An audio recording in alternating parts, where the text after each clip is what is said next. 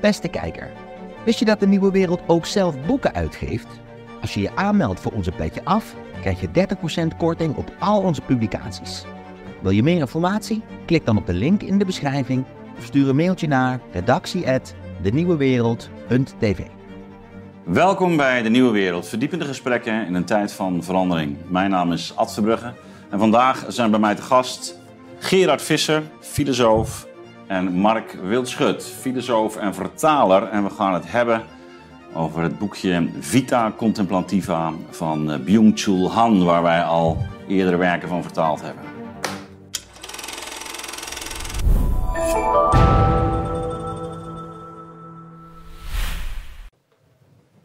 Heren, welkom. Ja, Byung-Chul Han. Uh, een werkje dat, uh, ik denk 22 in Duits verschenen is. Recent, hè Mark? Um, jij bent weer uh, degene geweest die het vertaald heeft voor uh, uitgeverij De Nieuwe Wereld. Um, ja, een, een, een wat um, opmerkelijk thema zou je bijna denken. Vita contemplativa, het contemplatieve leven. een beetje haaks op de, op de tijdgeest schrijft uh, Han een, een, pleidooi voor untätigkeit, in, in activiteit. Ja. Uh, er stond een recensie in Trouw uh, met één ster. Uh, daar was je niet blij mee. Wij ook niet. maar misschien toch goed om daar even mee te beginnen. Hoe, wat, wat gebeurt daar?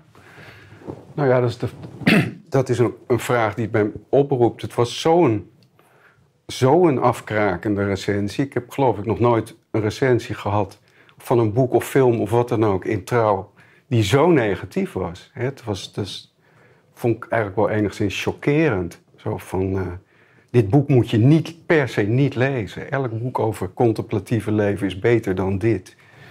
Als het een student was geweest, zou het zijn teruggestuurd, staat er in die recensie. Uh, doe het over. Dat, je krijgt op een gegeven moment. Dus die kritiek is zo hyperbolisch dat je vraagt: wat is hier aan de hand? Ja. ik, was, ik ben recent in, uh, in, in Berlijn geweest, de grootste boekhandel van, van, uh, van, van Duitsland.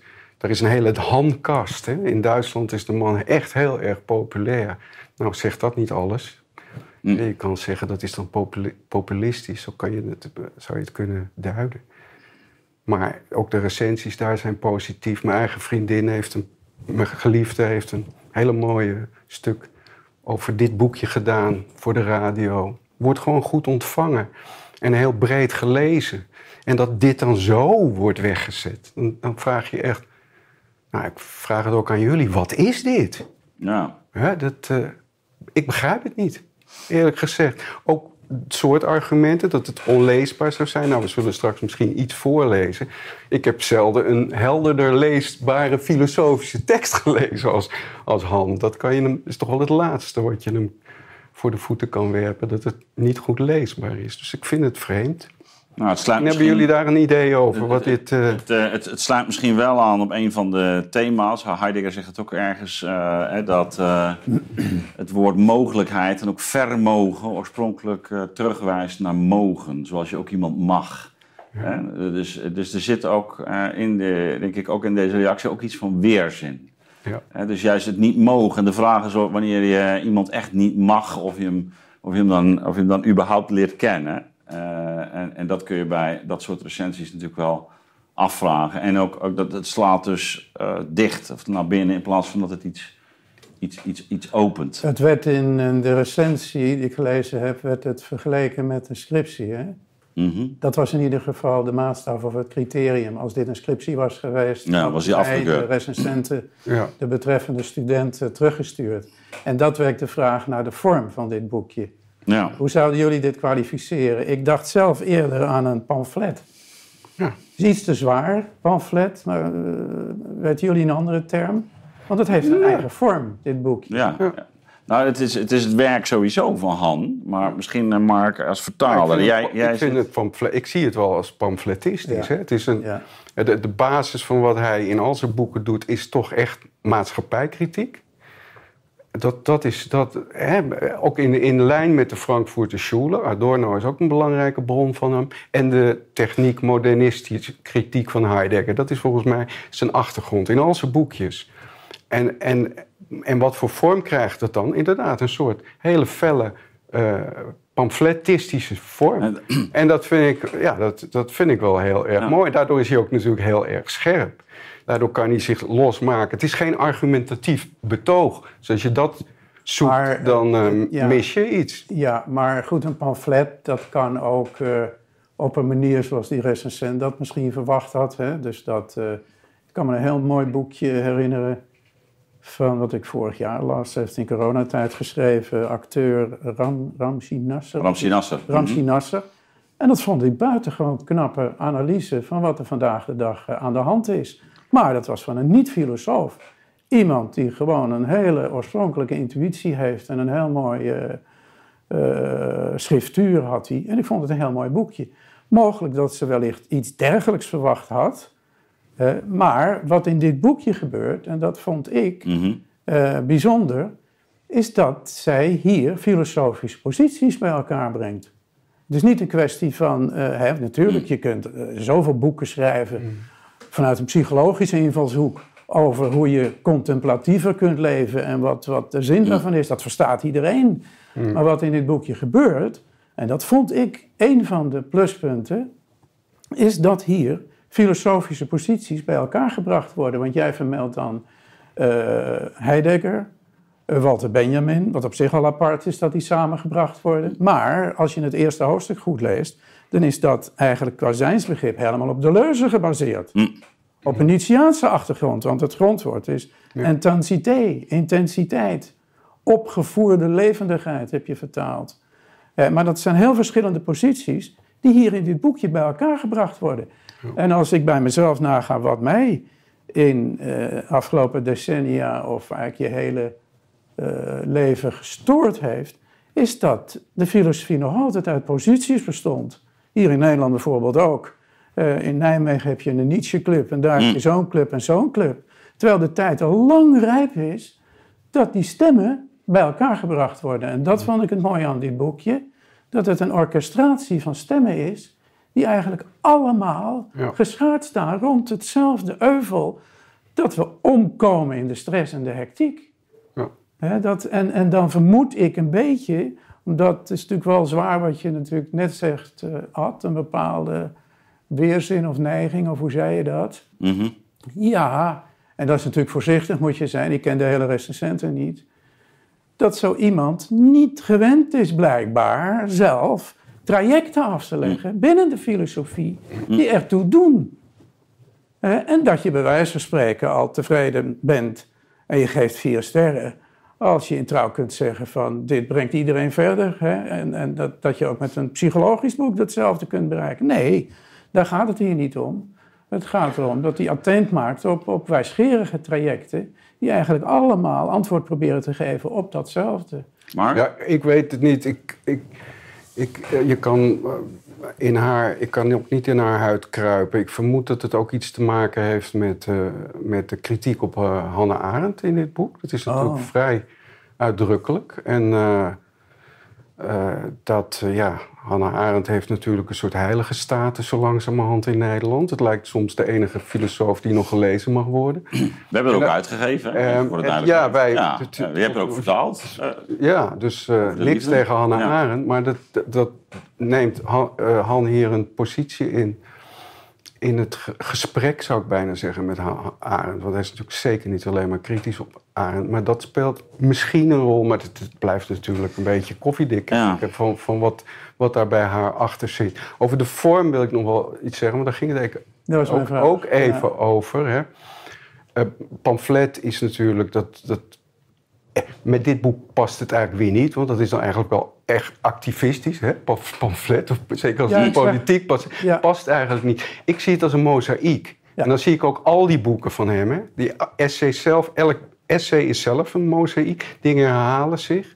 Hij, het knappe vind ik eigenlijk dat hij een toegankelijke tekst elke keer rond een bepaalde thema, bijvoorbeeld thema pijn, over de pijn. Uh, dit keer dus over, die, over de contemplatie. Uh, vorige boek Infocratie over de socia sociale media, zeg maar. Elke keer pakt hij een thema om uh, daar rond heel knap gekozen citaten. Zet hij, zet hij als het ware brokstukjes neer, waar hij toch gewoon moeilijke filosofen, Heidegger, Benjamin, uh, noem maar op, Adorno, dat lees je niet even.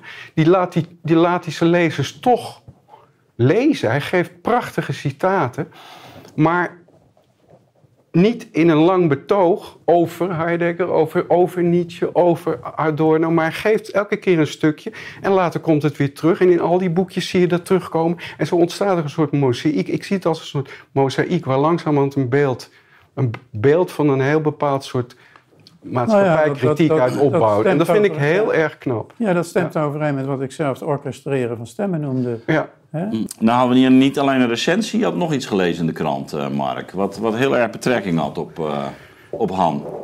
Ja, ja, nou ja, ik was gisteren in de, in de, in de Rode Hoed. En toen werd de Abel Hertzberg-lezing van uh, Timmermans Want het werd, is gisteren in, in, in de Rode Hoed in Amsterdam geweest. Mhm. En het stond vanochtend al afgedrukt in de trouw.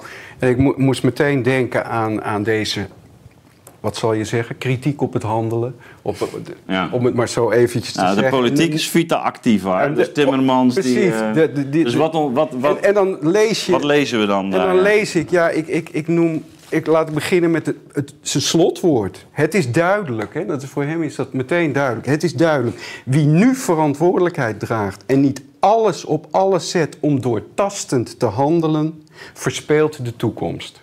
Ja. Nou is dit een politicus, die moet ook wel handelen, dat snap ik ook wel. Maar je komt bezinning of nadenken of reflectie kom je in dit stuk niet tegen. En nog één citaatje, vond ik ook opvallen. Hij, hij verwijst terug naar zijn, naar zijn uh, verleden, zegt hij. Ja, uh, om in het beeld van mijn voormalige zuil te schetsen. Dus daar. Er zijn twee soorten pastoors, zegt hij. Kan hij zich van vroeger herinneren. Zij die op de winkel passen en zondags hun preken afsteken. Mhm. En zij die worden aangesteld om nieuwe kerken en kathedralen te bouwen. Deze tijd vraagt om bouwpastoren. Sterker nog, om kathedralenbouwers die het geduld op kunnen brengen om een plan voor decennia te maken. Ja, is dat zo vanzelfsprekend? Ik denk dan, hadden we maar wat beter op de winkel gepast. Hè?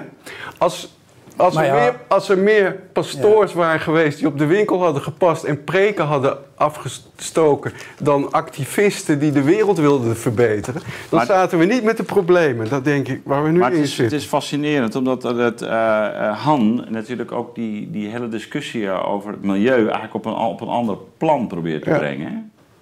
Natuurlijk ook geïnspireerd door de, nou ja, uh, zijn, zijn studie van Heidegger, maar ook, ook zijn, uh, zijn duidelijk diepe bewondering voor, voor Hölderlin, de romantiek.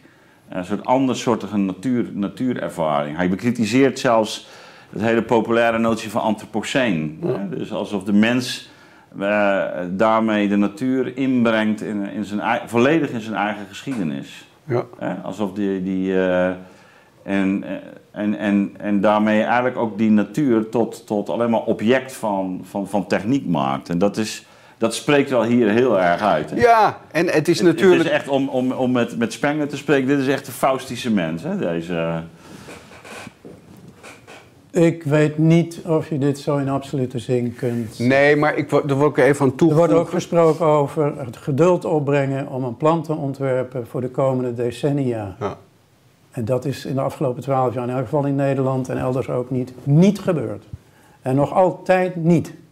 Ja. er wordt alleen maar gelet op de portemonnee en op de kiezers. En verder. Uh...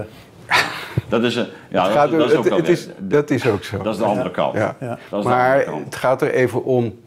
Want nee, ik, maar het is de, het is de het, het, ook, ook Han in Ja. dit boekje, Ja. ondanks die kritiek daarop, zegt hij, zegt bijvoorbeeld over, het gaat er niet om niet te handelen, maar Ja. om het contemplatieve aandeel van, aan Precies. het handelen Ja. te vergroten. Dat zegt hij ergens heel duidelijk. Hè? En ik mis gewoon toch, dat, dat contemplatieve aandeel mis ik ook in, deze in deze Ja. lezing van, van, eh, van Timmermans. Dat vind ik toch wel vind ik essentieel. Dan krijg je, hoe, ga je er, hoe ga je er nu mee om? Ja, door een, door een, door een een plan uit te rollen. Je ziet al wat het, wat het nou ja, laten we geen, geen politieke discussie gaan voeren, maar... Nee, maar het is wel vrij fundamenteel. Want ook hoe Han natuurlijk ook op Heidegger teruggrijpt en die notie van bezinning inbrengt. Ja. Uh, heeft natuurlijk alles te maken met uh, dat, dat in, in zijn optiek, ook Hans optiek, de redding niet alleen gelegen kan zijn in een technische oplossing Precies. voor een technisch vraagstuk, maar dat die natuur als zodanig zich op een andere manier gaat aandienen. Dat, dat, dat daar een, een, een openheid ontstaat, om, uh, om in Heideggers zin, waarin de natuur iets anders te zeggen kan hebben. Ja, maar ook, een, ook in de eerste plaats een ander begrip van onszelf. absoluut. Dat we ergens anders komen te staan. Niet meer tegenover de dingen. Ja. Maar dat je daar integraal deel van uitmaakt van heel de natuur. Maar zo, zo begint het ook hè, bij Han. Hè? Dat hij dat zich keert precies tegen het feit dat we ons losgeuren. Nou ja, en, en, eindigt hij in die romantiek? En, en is, is Helemaal die, daar hoort diezelfde gedachte bij trouwens, van die theoria als ook verschoning. Ja. Dus, dus uh, wat hij dus uh, iets. Uh, hij, hij gebruikt. woord. Ja, hij, en hij gebruikt er ergens ook de verschoning die, die, die je bij Hegel op een heel andere manier ingezet krijgt. Want het gaat om een soort verzoening. Hegel begrijpt dan natuurlijk die verzoening op een andere manier dan Huldeling. En maar, wel, maar, maar, maar, een verzoening met, met, met de natuur. Die is. nou ja, goed. Het is een... Maar we hebben nog meer ik, ik denk dat het voor iedere oorspronkelijke filosoof uh, wel geldt dat hij een, een eigen stijl of een eigen stem heeft, die ook, die ook in de vorm tot uitdrukking komt. Ik bedoel, als je van Plato naar Aristoteles gaat, uh, Plato's dialoog, natuurlijk een hele, hangt ergens samen met natuurlijk ook de tijd waarin die, waarin die filosofie opkomt, maar is ook een keuze en ook een heel eigen vorm van spreken. Um, ik denk, als je, als je Nietzsche neemt of je neemt Heidegger, het, zijn, het, is niet alleen maar een, een, een, een, een genreverschil, maar er is, het type filosofie vraagt ook om een eigen, bijna eigen vorm. En, en die heeft ook iets met die tijd te maken, mhm. op de een of andere manier. En, en ik, ik heb um, al een keer eerder ook met betrekking tot Han gezegd. Het lijkt ergens, en dan moet ik even aan McLuhan denken, van the medium is the message. Hij schrijft over bijvoorbeeld Infocratie, hè, het vorige hmm. boekje wat we ook hebben uitgegeven. En uh, Hanna heeft het, of uh, McLuhan heeft het ook over hybridisering. Dat vind ik wel een mooie gedachte. Alsof die, die, die tijd ook meespeelt, als het ware, in de manier waarop iemand schrijft. ja, dus, dus alsof eigenlijk al iets van internet, hmm. bijvoorbeeld, ook in Hans stijl zit. Hoezeer die ook anders is en anders schrijft. Maar zit en daar juist op kritisch. Ja, en, daar, daar, en dat zit hier ook. Er zit in dit, in dit gekke, zit in dit boekje, zit ten opzichte van uh, een tekst van Heidegger, zit er veel meer uh, haast, bijna. Uh, dus er, er gebeurt iets. Hmm. iets maar wat, wat, bedoel je dan? Nou ja, dus er zit, er zit iets. Maar dat is natuurlijk zo. Ik bedoel, hij, hij nou ja, hoe moet je dat zeggen? Hij laat niet ervaren wat hij zelf bepleit. Noem maar één voorbeeld. Nou ja, ik heb 23 jaar college gegeven op de maandagavond over Heideggers vraag naar de techniek. 32 pagina's, 13 mm. avonden, 2 jaar 14 avonden. En ik heb het boekje nooit uitgekregen. Mm. En wat ervaar je dan in de loop van zo'n cursus? Wat gelatenheid inhoudt. Hè? Okay. Nou ja, dus dat is vraag dus, naar dus, vraag naar vraag. En dan is dit haast het ja, tegendeel. Ja, dat, dus, dat, dat, bedoel ik. Dus, dus, de, dus er gebeurt iets. Um, en, maar dat is, dit is geen kritiek, begrijp me niet verkeerd. Maar hij op de, en, je zegt van we zien een kast staan in Berlijn. En dat is denk ik ook de kracht. Uh, hij kan uh, als het ware uh, in zijn manier van schrijven iets bij mensen teweeg brengen of raken. die de, op dit moment maar, maar weinig filosofen dat op, op deze manier kunnen. Een groot publiek bereiken. Terwijl hij toch in dat orkest van stemmen iets wezenlijks aanraakt. Ja, ik zie het zo, dat nou hij raakt het aan en verwijst mensen daarna. Ik heb het ook gewoon gemerkt. Ik, heb gemerkt met mensen die, die, die, die uh, ook mensen die ik in mijn, in mijn therapieruimte krijg, die, die dat lezen en die, die, en die dat dan als aanwijzing nemen om, dat, om die boeken ook te gaan lezen. Dus dat, zo werkt het echt. En dat vind ik, dat vind ik echt heel erg uh, mooi dus ja, terwijl het toch een eigen stem is ook. Hè? Dus het is een, en een eigen stem, maar hij zet aan tot ja. Uh, lezen. Of, of uh, over, overdenken ook van, van degene die die gebruikt. Ja. of, of mag ik, inzet. mag ik, moet, denken, ik moet nog één ding. Ik moet denken aan de Dinggroep. Die waren helemaal in de begin jaren 80. 81. 81. Waarom? Omdat dat voor beginnende filosofen, eh, beginnende studenten, gaf dat een palet ja. aan, aan, aan. Wie kwam er dan langs? Heidegger een stukje over het ding, Kant een stukje over het ding, uh, maar ook Ponge over het ding. Ook allerlei kunstenaars. Dat was, een, en het was, dat was ongelooflijk openend. Die tekst van Heidegger was hartstikke moeilijk. Eigenlijk voor een eerstejaarsstudent veel te moeilijk. Maar wel, je werd wel geprikkeld. Je werd wel, dacht van, wat is dit? En dat, voor mij heeft dat de, de, ruimte van de filosofie geopend. In plaats van dat je meteen kritiek de Ruine vernoemd gaat lezen. Of uh, toch even ook omwille van de, van de kijker zelf, uh, uh, Mark. Want we, we, zitten, we zijn aan het reflecteren over hem. Misschien hadden we dit aan het einde moeten doen. maar we zijn er zo in verzeild geraakt. Tot toch even, wat is nou de inzet van, uh, van dit boekje? Vita Contemplativa. Je zegt cultuurkritiek. Nou, nou ik denk dat wat... De, hij heeft een prachtige stukken ook over, over wat, wat, wat het denken bij de, bij, de, bij de Grieken is geweest. Wat het denken in de middeleeuwen is geweest. Wat het denken... Dus zijn, dat, dat contemplatieve leven is voor hem wat filosofie zou moeten zijn. En is helemaal weggeraakt. Ja, want het, maar het is, het is, het is fundamenteler. Hè? In die cultuur zegt hij, we staan ook niet meer stil. Hè? Ik bedoel, Want het gaat ook over bijvoorbeeld het ornament, het aankleden. Dus het gaat ook over, laten we zeggen, alles wat te maken heeft met uh, een, uh, de kosmos of de versiering. Dat je die, uh, wat, wat niet in termen van efficiëntie begrepen kan worden, functionaliteit, nut, maar wat te maken heeft met in, in ja. het verwijlen, zoals je het noemt. Het is zijn, hè, dus, dus geconcentreerd in dit boekje zet hij neer zijn suggestie ten aanzien van de vraag: hoe kunnen we weerstand bieden aan datgene wat een Hartmoed Rosa bijvoorbeeld versnelling noemt? Ja wat uh, al teruggaat, marxistisch gezien, tot het vrij worden van uh, land, kapitaal en arbeid, de vrije markt die ontstaat, in Heidegger's techniekanalyse mm. enzovoorts. Hè? En dan komt hij met deze suggestie dat een ommekeer, mm. die vergt in eerste instantie dat we weer voeling krijgen met het onmisbare belang, ook onmisbaar voor het handelen van het contemplatieve, van een contemplatief leven.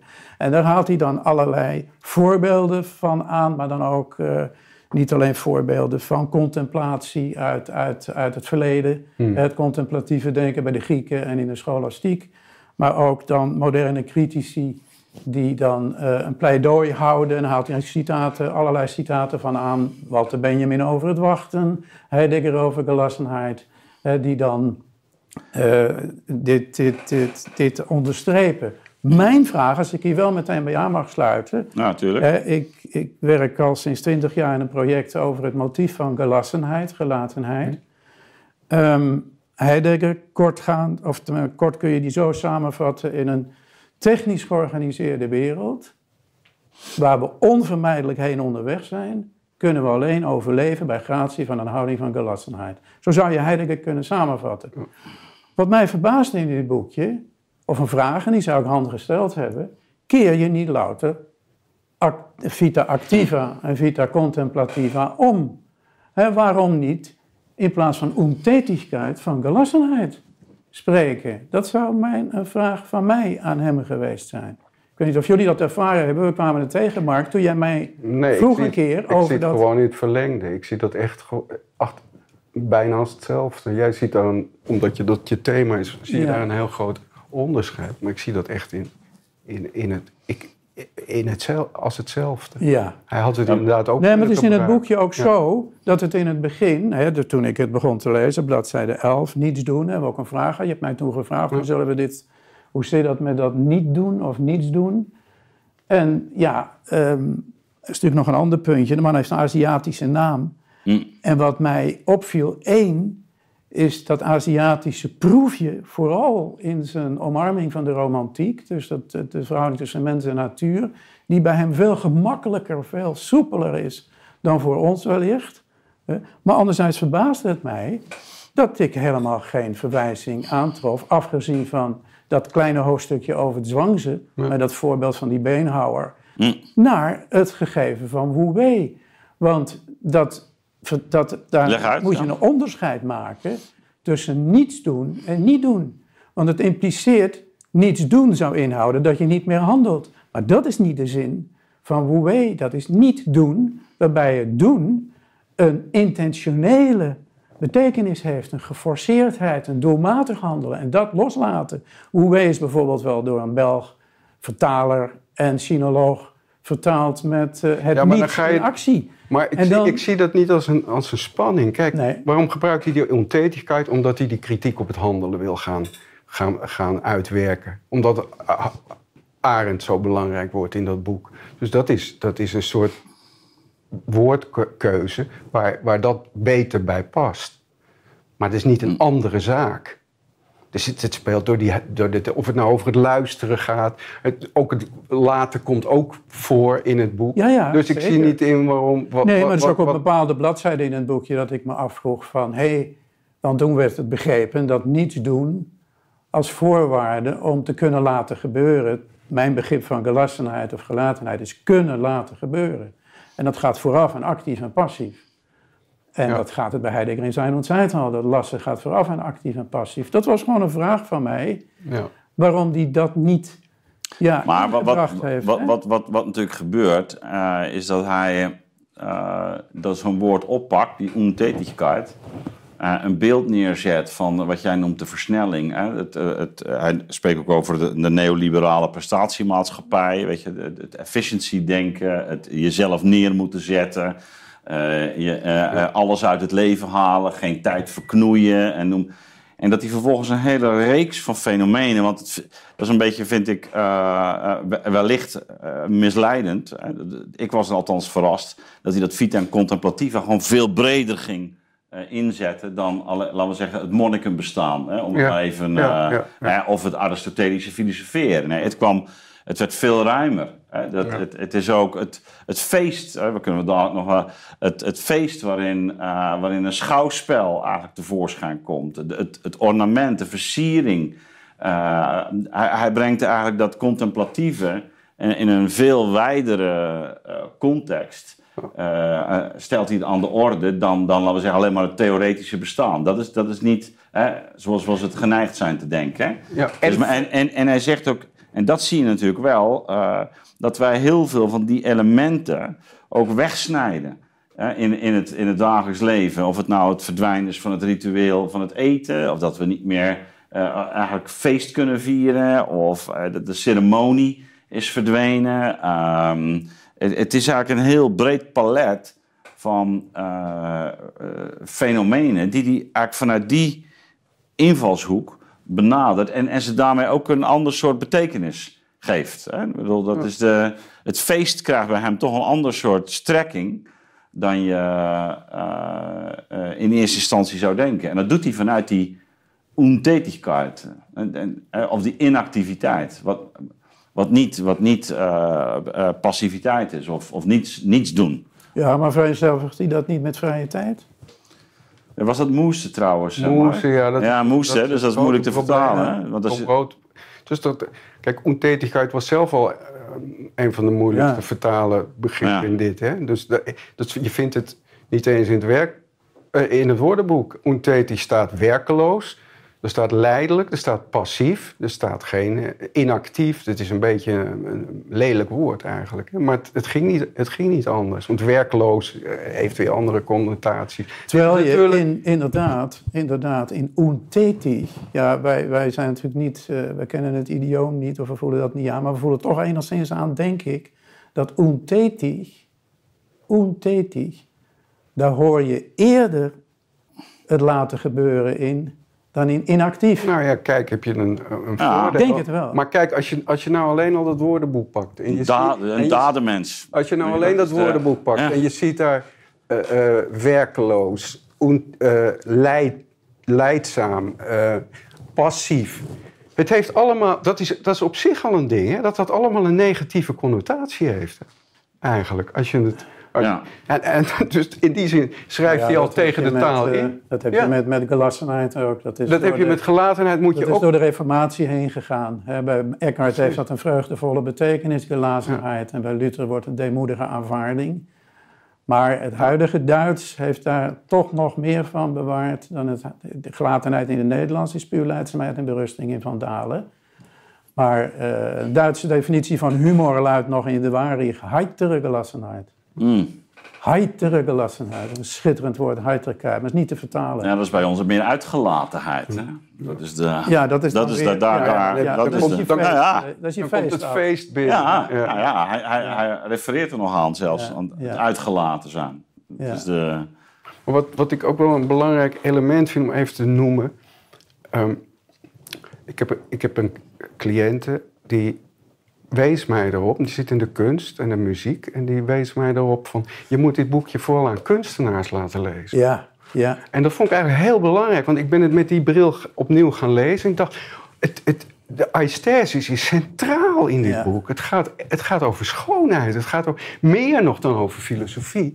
En dat is natuurlijk ook. De, die Handen is natuurlijk hoogleraar van, van, de, de kunsten. Van de kunsten in Berlijn. Hè? Dus dat. Dus dat dat vind, vind, ik een belangrijk element. Als je dat met. Overal gaat het eigenlijk over de, over de kunst. Over de dans, over, de, uh, over het schilderen, Cézanne. Over de muziek, over het luisteren. Over, overal ja, Cézanne, Cézanne niet te vergeten. Cézanne. Een hele centrale plaats. Ja. ja. ja. Dus, dat, uh, dus dat vind ik ook een manier. Nog, nog even over wat dit voor boekje is en wie het kan aanspreken. Hè? Dus je kan natuurlijk, als je denkt, ja, ik mis een soort filosofisch construct, uh, betoog, dan mis je iets. Maar ik, ik zie allemaal losse stukjes, fragmenten, dat, dat mozaïek. Soms zit ik aan, e, in één, daar, daar zit ik nu. Daar heb ik dus wat aan. En dan is dat natuurlijk alleen maar een verwijzing. Als ik, als ik zijn stukken over het luisteren lees, dan zit ik helemaal in mijn therapeutische wereld. En dan weet ik, wat ik, weet, weet ik precies wat dat is. Ik ben met die therapie begonnen vanwege ja. iemand in uh, Utrecht die, ik, die zei: er zijn maar drie dingen belangrijk: luisteren, luisteren, luisteren. Nou, daar heb je hem. Je, het schitterende stukken schrijft hij daarover. Ja, dus zullen we.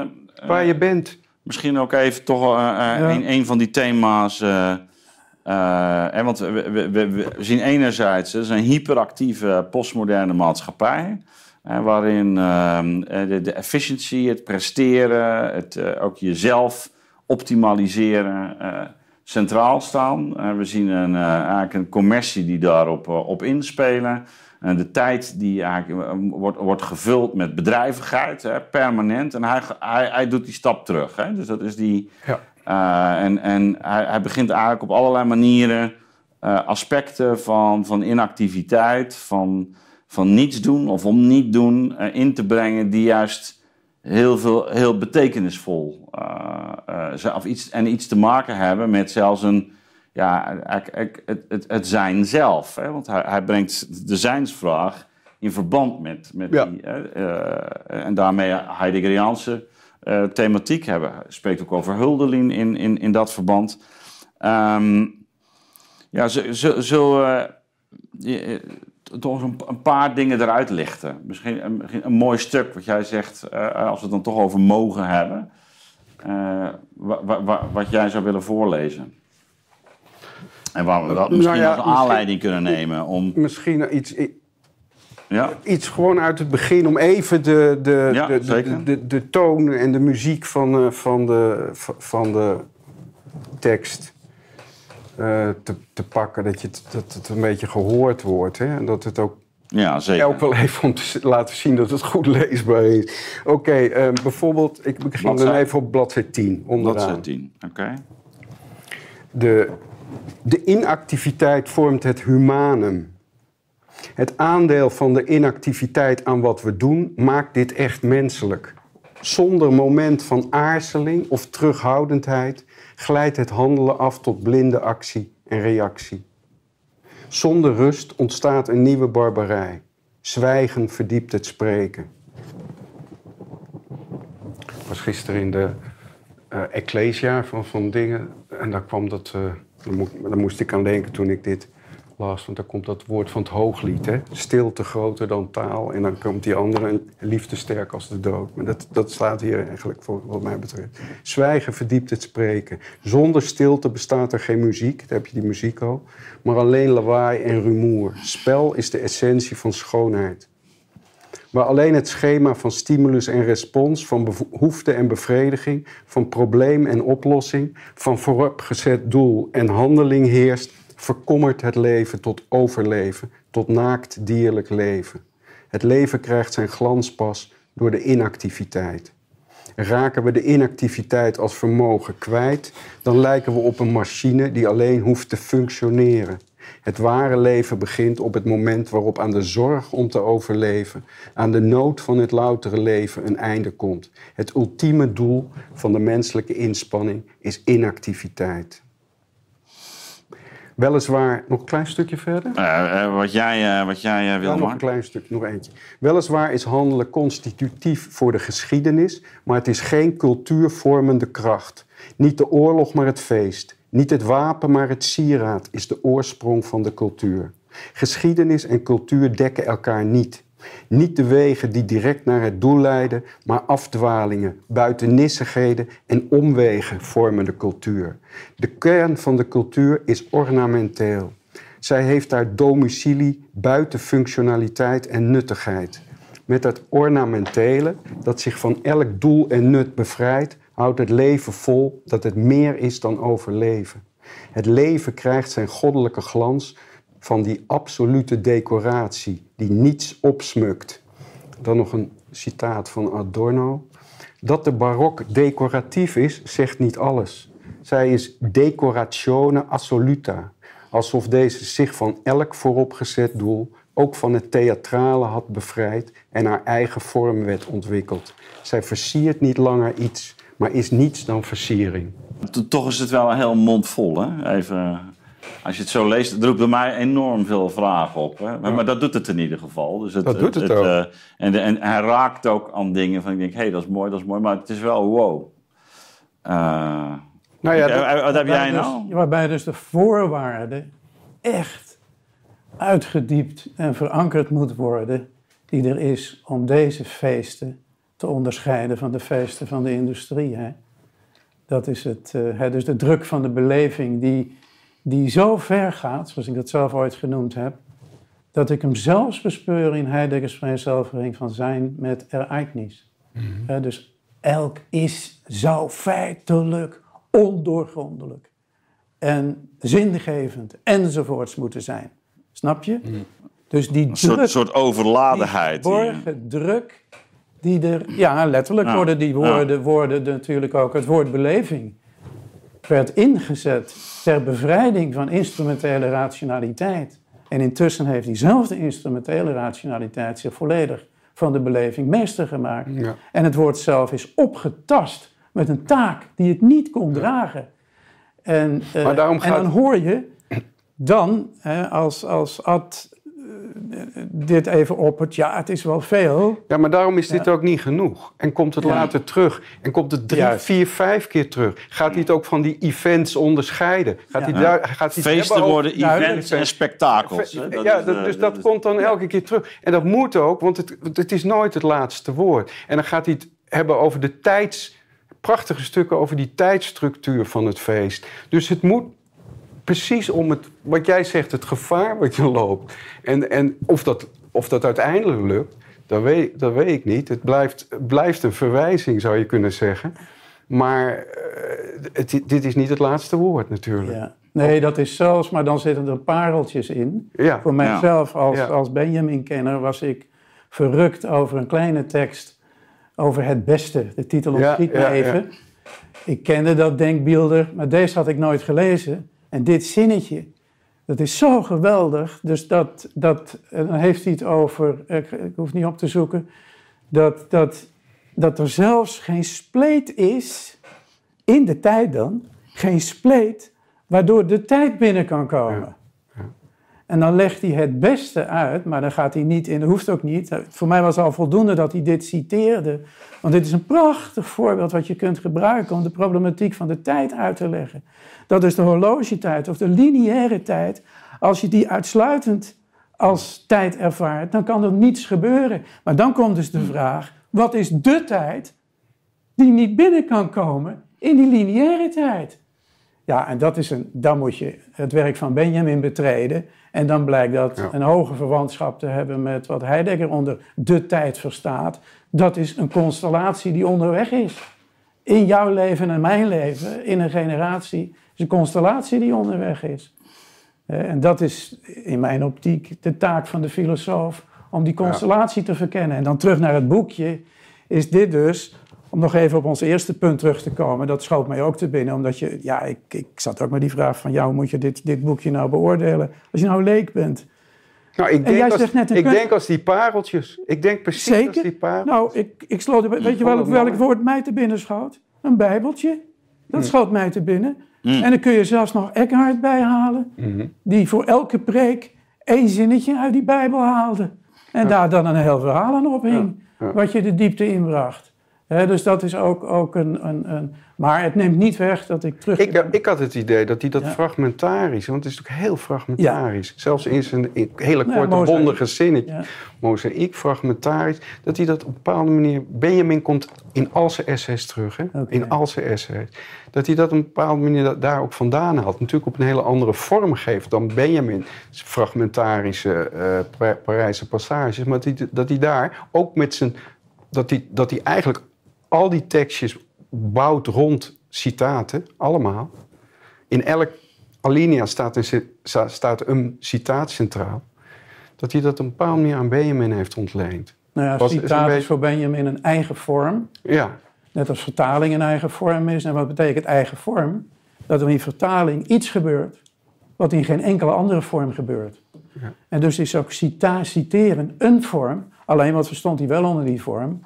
Ja, dan moest je het moment afwachten in je eigen tekst dat dit geciteerd moet worden. Ja. Ik kan mezelf nog aan mijn proefschrifttijd herinneren dat ik een citaat van Heidegger in mijn hoofd had. Wo das eingrenzende Feld kan etwas, in dem was es ist, niet aanwezen. Ik heb het nergens geciteerd. Want ik kwam blijkbaar nergens bij de plek uit waar, dat, waar, um, waar je dat moest zeggen.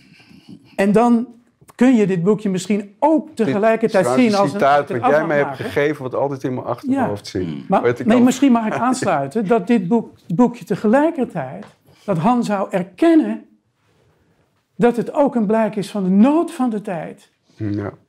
Dat hij de opdracht ervaren heeft om dit soort boekjes te schrijven. Nou ja, dat, dat sluit aan bij waar ik zo even over begon. dus dat hij in zijn manier van schrijven... dus kiest voor een stijl die, die resoneert. Die ergens hoort bij... En dat hij, dat hij in, in die modus dus iets kan openbreken... wat, wat, uh, wat misschien op, op weinig andere manieren kan. dus dus, dus uh, ook, ook bij een grote publiek. Hè?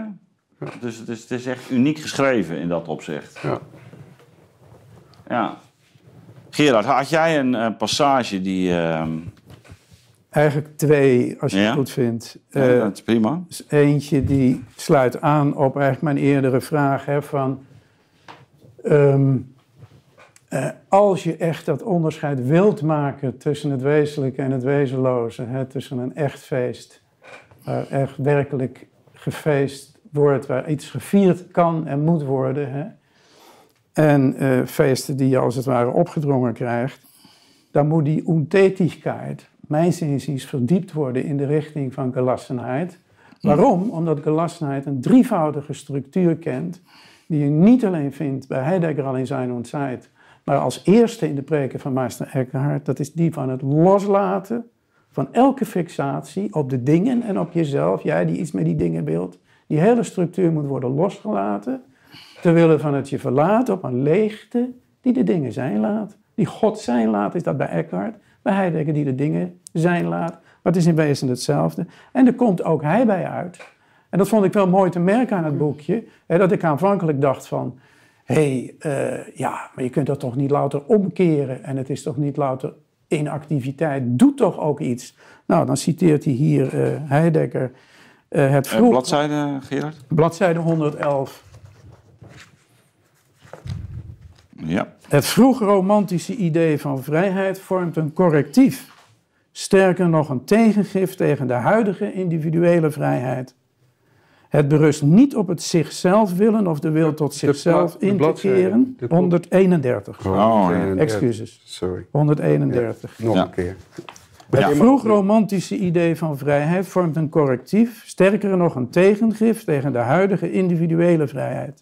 Het berust niet op het zichzelf willen of de wil tot zichzelf in te keren, maar op het meezijn of meewillen.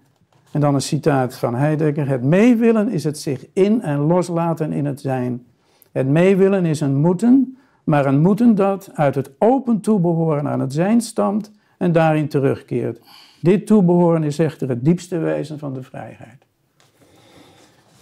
Wat, wat hierin besloten Maak hem maar even af, want dat is wel mooi wat er dan nog komt. Ja, uiteraard. De vrijheid als toebehoren beantwoordt aan het oorspronkelijke idee van de vrijheid. Het woord vrij betekent etymologisch onder vrienden zijn. Het is ook verwant met vrede. Hè? Zowel vrijheid als vriend stammen van de Indo-Germaanse wortel free, wat liefhebben betekent. Vrijheid is vriendelijkheid. Laatste vond ik geweldig. Maar wat je hier ziet in dit citaat, is dat het eigenlijke handelen, het eigenlijke handelen is het meegaan met het wezen van iets, opdat dit zich kan manifesteren. Dus als je bijvoorbeeld vriendschap hebt, dat het samenkomen van vrienden in het teken staat van de vervulling van de vriendschap. Aristotelisch gezegd, Heideggeriaans gezegd, dat gegeven van het meegaan met het wezen. Anderzijds heb ik hier zelf wel een vraag, zou ik hier een vraagteken bij plaatsen. Het berust niet op het zichzelf willen of de wil tot zichzelf in te keren. Want dat is een vraag die je aan Eckhart kunt stellen, die aan Han kunt stellen, die aan Heidegger op een andere manier kunt stellen. Ja, zelfloosheid. Wat is dat? Is het niet toch een voorwaarde om waarlijk vriend te zijn? Dat je radicaal bent ingekeerd in het eigen zelf. Maar dat is een vraag die ik graag aan de, aan de zijlijn parkeer. want ik citeer dit met het oog op het gegeven dat die inactiviteit, als je die verstaat als het kunnen laten gebeuren, dat het dan verstaan kan worden met Heidegger als het wezensschenken, zoals hij dat vrij cerebraal plechtig noemt. Maar anderzijds heb ik, dat is mijn eigen vraag ook ten aanzien van Heidegger, zou hier ten aanzien van Han ook zijn, of hier niet toch het elementaire belang van de zielsdimensie voor een achtzaamd wordt. Uh, maar dat is een andere vraag die, die het slot, door het slot van het boekje ook bij mij gewekt werd. Anderzijds, Ad, mag ik misschien een klein stukje nog voorlezen wat ik het mooiste uit het, uh, uit het boek Stuit dat hier op? Uh, ja? Nou, ik, want het aardige is, uh, toen ik dit las, dacht ik, ja, dit, dit zit in mijn proefschrift al. Dus deze duiding van vrijheid. Ja. En, en hè, het is oorspronkelijk ook verband, verwant met vrijen. Hè? Dus ja. het vrijen, als het liefkozen, de, de, de liefdebedrijven, vrij, free, friend. Dat is eigenlijk allemaal diezelfde wortel. Hè? Dat is de... Dus dat is, en, en daar is vrijheid eigenlijk een vorm, of, vrijheid ook een vorm van toebehoren of binding. Hè? Of uh, wat, wat die hier. Aan, en ik vind dat wel ook wel heel mooi, hoe die dat uh, gaat, gaat uh, verbinden. Hij noemt niet voor niets Huldelien. Hè? Dus die, die, je, hebt dat stukje, dat laatste deel niet ge, ge, gelezen meer. Maar daarom verheft Huldelien de vriendelijkheid, die elke scheiding en elk isolement opheft, tot een goddelijk principe. Zolang aan zijn hart nog de vriendelijkheid, de reine, duurt, zolang meet niet in overmoed zich de mens met de godheid. Dus, dus hoe die de, de, de vriendelijkheid eigenlijk tot het menselijke maakt. En, en dat dat eigenlijk ook, de, uh, zo, zo keert hij ook terug naar die romantiek. Hè? Dus die, die, dat idee van die dat, het contact met, dat je met het geheel maakt. Want dat, dat is wat hij aan het, aan het, aan het begin ook, ook ten aanzien van uh, Cézanne zegt. Hè? Dus hoe, die, hoe, hoe in de natuur eigenlijk ook de, wij fragmenteren. En, en hoe in die natuur eigenlijk het, het, het geheel bijeenkomt. En dat, dat verbindt hij ook met die... ja, eigenlijk met, met, met die... Jij zegt kunstzinnige of die die theoretische ervaring, als een vorm van samenvallen met zijn. Zo, zo, zo noemt hij hem. Maar ja, dan kan ook het fenomeen rust worden verdiept. Hè? Want in die zin wordt het boekje, en goed dat je daar ook op wijst feitelijk, Mark, eerder, dat het opgebouwd wordt als het ware. Want als je in het begin van het boekje leest, dan denk je dat die rust vereenzelvigt met gewoon niets doen. Ja. Maar, en dat hmm. is die aanvulling die ook vanuit zijn proefschrift helemaal kent dat je Aristotelisch en ook Heideggeriaans rust vindt in een handeling die ertoe doet. waarbij je het goede voltrekt van iets daarin rust vindt. En dat is geen beweging, maar energia. Ja. En energia is eigenlijk de, de, de, hoogste activiteit ja. die tegelijkertijd rust is. Nou ja, goed, daar moest ik... Ja, ja entelegia, ten volle zijn, heb ik zo wel vertaald. Dat iets in zijn werk staat, zich in zijn werk bevindt. En dat geeft, dat geeft de echte vreugde. En dat is de echte feestelijkheid wanneer iets tot zijn recht mag komen. Ja. en dat is waarom ik pleit voor het uitbreiden van ontätigheid naar gelassenheid in die drievoudige structuur. Want dat zijn bij hmm. Heidegger is een ondoorgrondelijke openheid die mogelijk maakt dat het een het hmm. ander ontmoet. In plaats van dat het een het ander overheerst. En daar zit weer dat Aziatische in, waar de later Heidegger aan raakt. Ja, je, je, wou nog een, eh, je wou nog een stukje citeren. Ja, gewoon iets, ja. iets heel eenvoudigs aan het slot, wat mij ontroerde feitelijk ook. Kende ik ook niet van Walter Benjamin. Onderaan op 137 en boven naar uh, eh, 138. In la communitate viene, de komende gemeenschap, maakt Agamben gewacht van een parabel over het komende rijk van de Messias, die Walter Benjamin op een avond aan Ernst Bloch verteld zou hebben. Bloch geeft deze parabel zo weer. Een rabbi, een echte kabbalist, zei eens: Om het rijk van de vrede te vestigen, hoeven niet alle dingen eerst te worden weggevaagd, voordat zich een heel nieuwe wereld kan aandienen. Nee, dit kopje of deze struik of die steen daar en alle andere dingen hoeven maar een klein beetje te verschuiven. Punt. Dat vond ik zo mooi, dat vond ik net zo mooi als die vriendelijkheid. Mhm. Ik las ooit, ik ben een fan van Ab Alberts, ik weet niet of jullie het oeuvre kennen, van die kleine, hele eenvoudige taal. Ab Alberts. En een interview las ik ooit van hem. En wat had hij nou zijn hele leven als het belangrijkste ervaren? Vriendelijkheid. Gewoon mm. vriendelijkheid. In de hele zachte zin. En een klein beetje verschuiven. En dat is de zin van filosofie, die te weinig gezien wordt. Geldt voor kunst, geldt voor religie, voor die sferen. Dat je in de loop van het leven een klein beetje opschuift. Er iets anders in komt te staan. En dat is wat zo'n boekje ook beoogt. Dat je er iets anders in komt te staan. Ik weet niet of jullie dit herkennen. En voor mij is een uitspraak van Charles Olson, een uitspraak, een versregel van dichtregel van Charles Olson, een Amerikaanse dichter. People don't change. They only stand. More revealed. Mensen veranderen hmm. niet. Ze staan alleen een heel klein beetje meer open. Dat vond ik het mooiste hmm. eigenlijk. Van, van Dat hij uitkomt, deze auteur, bij dat eigenlijk eenvoudigste, simpelste. Je bent een heel klein beetje opgeschoven. Voeg ik wel toe, opgeschoven in de richting van jezelf. Van het geheim van jezelf. Ja. Maar dan, dat zijn wel, de, daar tussenin heeft hij natuurlijk wel, misschien moeten we er toch ook nog iets van zeggen. Ja. Die twee grote denkers geplaatst om, om zijn thema echt te gaan uitwerken. Arendt, ja, kritisch en, en, en Heidegger. En, en dat vind ik wel belangrijk om dat e-, even te noemen, omdat ik vind dat hij eigenlijk in dit boekje een vrij heldere. Ik, eh, zijn, hij, zet, hij zet het vrij strikt neer. Hij zegt eigenlijk: uh, Simon Side is voor hem, en daar kan je kritiek op hebben, nog, nog, nog een pure filosofie van het handelen. Ja. Dat zegt hij heel strikt. Ja. Dat, is, dat is Arendt eigenlijk altijd gebleven. Ja. Zo zegt hij. En, en ik, ik dacht opeens van, nou, dat is misschien wel mooi om dat zo te zien. Arendt zit qua handel, qua politieke filosofie in deze eeuw gewoon aan de goede kant van de, van de geschiedenis. En is om die reden ook altijd politiek filosoof kunnen blijven. En Heidegger niet. Hij heeft in 33 eh, heeft hij eigenlijk al ingezien dat hij aan de, aan de verkeerde kant stond. En hij heeft zich van de, van de politiek afgewend. En toen is het pas een, de, is hij de bezinning ingegaan in wat Han hier noemt contemplatief denken. Heeft hij, heeft hij eigenlijk met de politiek niks meer te maken gehad. Vind ik, vond ik wel interessant. Dus hij, hij interpreteert hier Heideggers keren. Ja. Ja, vond ik ook een heel mooi, mooi deel hoor. Maar ook die kritiek op Arendt. Ik heb daar zelf uh, in het verleden ook uh, me behoorlijk aan gestoord. Ja. Uh, aan allerlei onderscheidingen die Arendt maakt. Mm Terwijl tegelijkertijd, ik behandel er ook altijd, net als ik Heidegger ook behandeld. Want ik vind, je moet er, moet wel, je moet er, wel, je moet er wel kennen. Ja. En, en ze heeft ook wel degelijk iets gezien. Daar gaat, daar gaat het niet om. Maar het is wel heel erg rigide. En ook die duiding, uh, die utopische uh, duiding van die Griekse polis, hè, waarin ze dat, en ik vind dat hij dat heel mooi ook, ook, ook neerzet, hoe die vrijheid bij haar eigenlijk een soort ja, uh, individueel activisme gaat worden, waarin je zelf moet.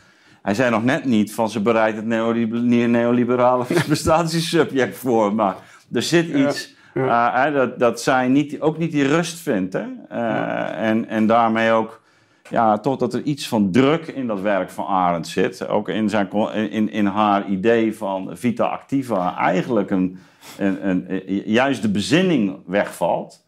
Ja, dat vond ik, vond ik heel sterk in, in, in zijn interpretatie. En dat hij ook geen enkel, dat zij geen enkele ruimte heeft voor die voor die, eigenlijk voor die religieuze dimensie. wat, wat, wat, wat, verbazingwekkend is met die Augustinus. In de, in, in, maar dat, dat, het zit daar op een bepaalde manier ook in. Dat ze gaat wel naar die God toe, maar dan om terug te keren naar... Eigenlijk zoals Han uh, uh, haar duiding van, van, van de God-vergelijking hier inzet.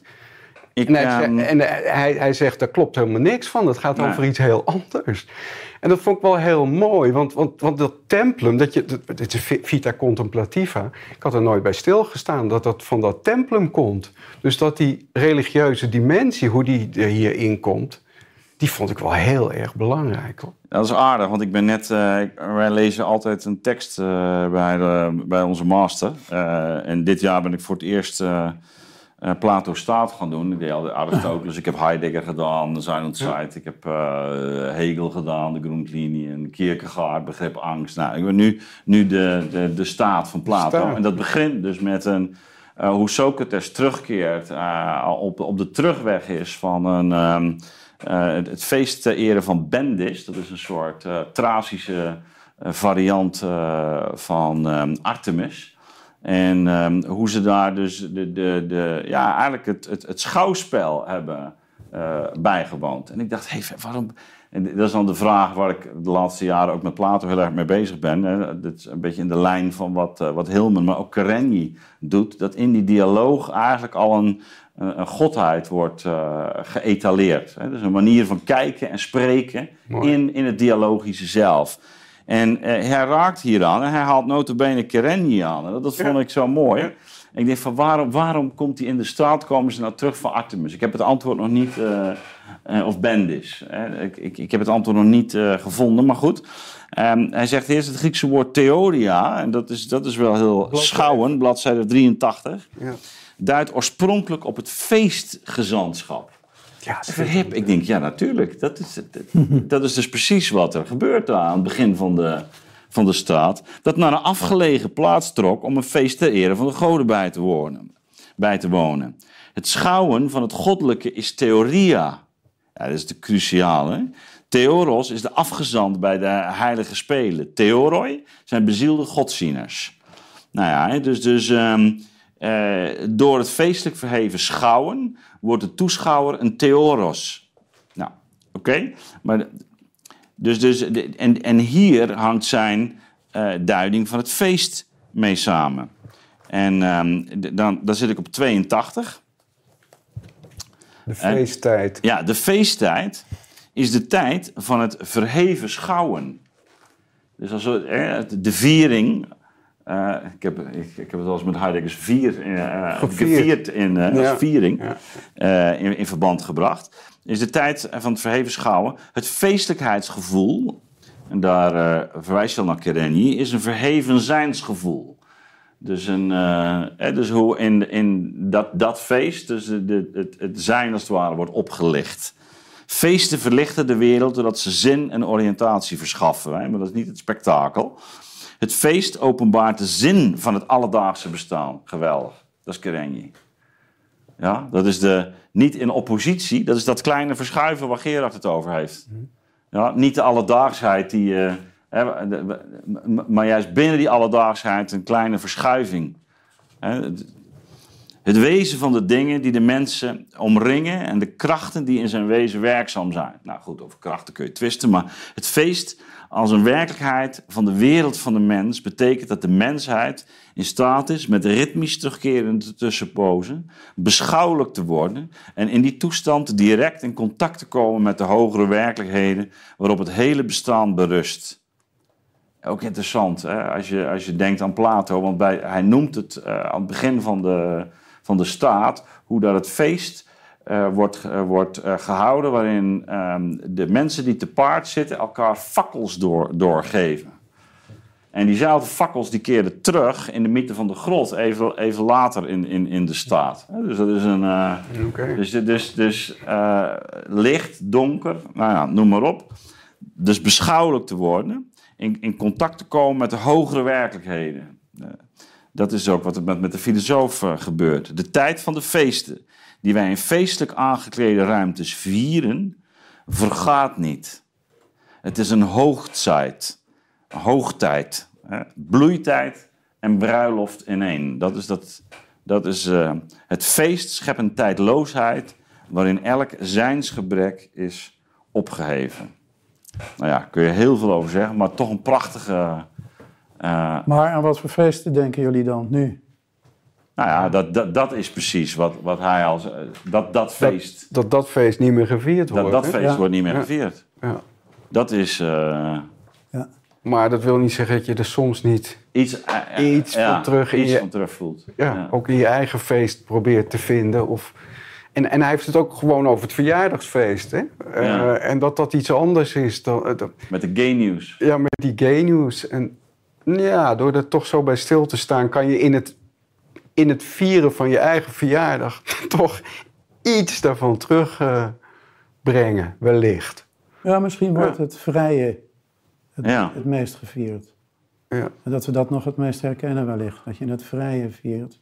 Heel elementair uiteraard ik, als het uh, ik, ik, ja. om, om, om volkerenbevrijding gaat, maar... Uh, nou, voor mij was oud en nieuw altijd. En, uh, dat is het nog steeds. Daar, daar kan ik iets van die tinteling voelen. Van, ik had het als jongetje al. Ja. Dat, dat, dat, dat kantelen van dat jaar. Dat vond ik echt iets magisch. Een soort, en, en precies ook dat. dat het, ik, ik, ik, ik zat al in de spanning vanaf. Uh, nou ja, bijna, bijna de he hele oudejaars. Ik was ook een groot vuurwerkliefhebber. Maar ja, dan zitten, we wel, zitten we wel vandaag de dag, denk ik, bij een nulpunt. Dat menigeen van ons zich afvraagt zal ik het nog vieren. Nulpunt van het zijn. De huidige communicatie, dan wordt er slechts luidkeels geworven. De huidige communicatie is in haar geheel pure werving, pure reclame als overlevingsvorm. Ze wordt ontketend op het nulpunt van het zijn. Ja. Dus je gebruikt exact die terminologie. Ja. Ja. Ja. ja. Nou ja, dat is wel iets wat die tekst doet. Hè? Dat, uh, met, met ook wel iets van de het ongemak wat ik er ook bij heb hoor, altijd. Maar niettemin, uh, ja, toch, dit zijn wel, vind ik, weer pareltjes. Ja. Ja. Dus uh, wat, uh, wat, wat hebben we onze kijkers uh, mee te geven, uh, Mark? jullie een laatste, laatste woord. Vita contemplativa. Kunstenaars, raad je het aan? Ja, zeker. Ja, ik had het al over muzikus even genoemd. En ik, ik heb al gemerkt dat dat... Bijvoorbeeld, wat, wat is nou de rust? De rust de, in, in de muziek. Dan kan je die echt gaan uh, verdiepen. Zonder rust is er geen muziek. Dat is nu, je had het over rust. Nee, is niet... Dat is ook een vorm van rust. De rust in de muziek. Of iemand... Ja, maar zo zit het overal in, hè? Dus hij, ja, hij zegt natuurlijk... Ik vroeg nog even mijn punt, hoor. De diepste modus van rust is in jezelf rusten. En dat is de voorwaarde waardoor dingen in zichzelf kunnen rusten. En dat is de voorwaarde om überhaupt rust in het leven te krijgen. Maar de voorwaarde is in jezelf rusten. Ja. En dat is de vraag die, ik, die voor mij rond... En dat maakt het alleen maar belangrijk... omdat je je eigen bezinning hier ook aan kunt toetsen. Waar bevindt het mm. zich? Het religieus aan het eind, laten we wel wezen. Er wordt volstaan met de gemeenschap tussen mensen en een harmonie tussen mens en natuur. Prachtig aansluitend overigens bij Benjamin, die een onderscheid maakte, misschien nog mooi te citeren, Walter Benjamin. in Zoom Planetarium, de slottekst uit Einbahnstraße 1928, een onderscheid maakte tussen een eerste techniek en een tweede techniek. En de eerste techniek, de eerste techniek is het imperialistisch misbruik van de natuur. En daarvoor zijn we gestraft in de Tweede Wereldoorlog. waarbij de techniek ons, dus een wraak van de techniek, zo, zo definieert Benjamin daar de, tweede, de Eerste Wereldoorlog in de hmm. tekst van Planetarium als de wraak van de techniek op haar imperialistisch misbruik. En dat we zijn sinds onderweg zijn naar een nieuwe verhouding tussen natuur en mensheid. In de techniek. Hmm. In de techniek verweven raken met de natuur. Waardoor een nieuwe harmonie zou kunnen ontstaan. Prachtige idee, die vond ik bij Martinus Nijhoff precies hetzelfde. Deze idee, ook in de jaren dertig geformuleerd in een essay. Een nieuwe verhouding tussen natuur en mensheid dankzij de techniek. Wat we herkennen, voor mij was dit openend naar de techniek. Wat die vermag. Maar goed, even terug. Dat is niet het enige bij Benjamin. Voorwaarde daarvoor is bijna, Heideggers, nur ein Gott kan ons redden. Hm. En dat is die religieuze dimensie. Die, en dat blijft hier boven hangen. Heeft hij geen problemen mee? Kan ook zijn Aziatische achtergrond zijn. Ik heb bijvoorbeeld met Kawabata, de Japanse schrijver, geen enkel probleem. Terwijl het geen monotheïst is. In enige Joodse of christelijke zin, zoals wij dat zijn, hoe dan ook. Dan ging het om een harmonie tussen mens, natuur en leegte. Maar uiteindelijk is het hoogst verwant met waarheen wij zelf onderweg zijn. Maar goed, dit is nog even waarom het voor mijzelf een heel zinnig boekje is.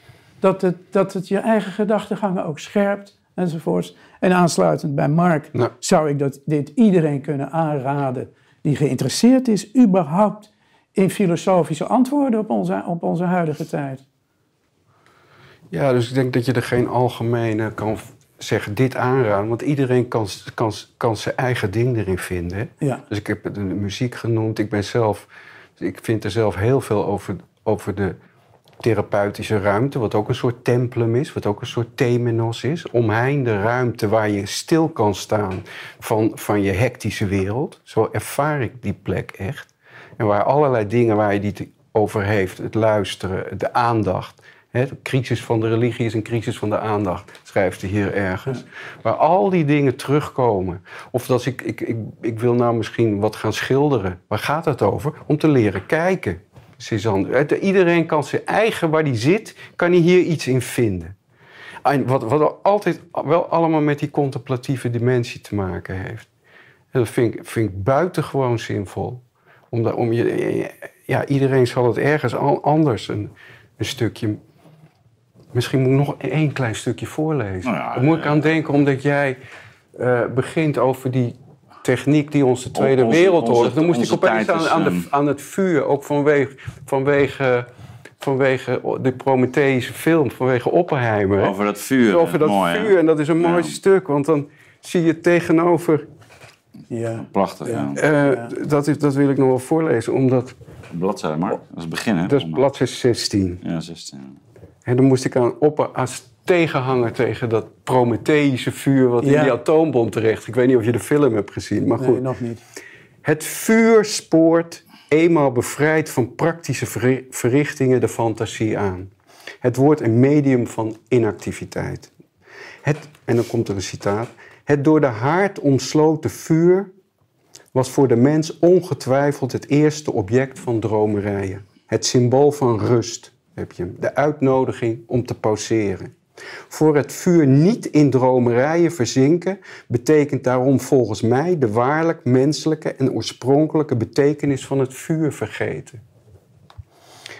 De weldadigheid van het vuur dringt alleen tot je door als je je ellebogen op je knie zet en je hoofd in je handen legt. Deze houding is oeroud. Het kind neemt haar bij het vuur vanzelf aan.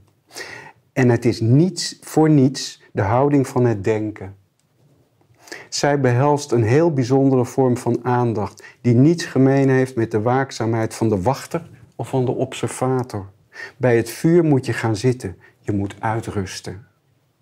Bachelard is dit, hè? Ja, ja dat is mooi. Gewoonlijk wordt het vuur met en nou, nou, nou komt hij uh, weer zelf aan het woord. Gewoonlijk wordt het vuur met het Prometheïsche pathos van de daad en de handeling in verband gebracht. Dat is die Oppenheimer natuurlijk. Daar wordt het helemaal gevierd. uitge, uitgevergroot. Bachelars psychoanalyse van het vuur legt daarentegen de contemplatieve dimensie ervan bloot. De houding die de mens voor het vuur al als kind onwillekeurig aanneemt, veraanschouwelijk zijn oeroude neiging tot contemplatie. De contemplatieve inactiviteit onderscheidt de denker van de wachter of observator, die altijd een concreet doel nastreeft. De denker daarentegen heeft geen oogmerk, geen doel voor ogen. Ja, vind, vind ik toch een oproep voor, de, voor het denken, voor de filosofie. Nou, ja, prachtige teksten ook. Ehm. Maar ook dat citaat van Bachelard. Ja, je ziet jezelf al. Ik ben ook verkenner geweest twee jaar. Ja. Nou, je kan een vuurtje te kijken. Ja. ja. En je ziet natuurlijk ook de denker van, uh, van, van, ja. van Rodin voor je. Ja. Goed, uh, heren bedankt. En uh, ja, nogmaals, uh, Vita Contemplativa uitgekomen deze zomer bij uitgeverij De Nieuwe Wereld samen met De Haven. En ehm, ja, je kunt er veel in ontdekken. Dus aanbevolen bij deze.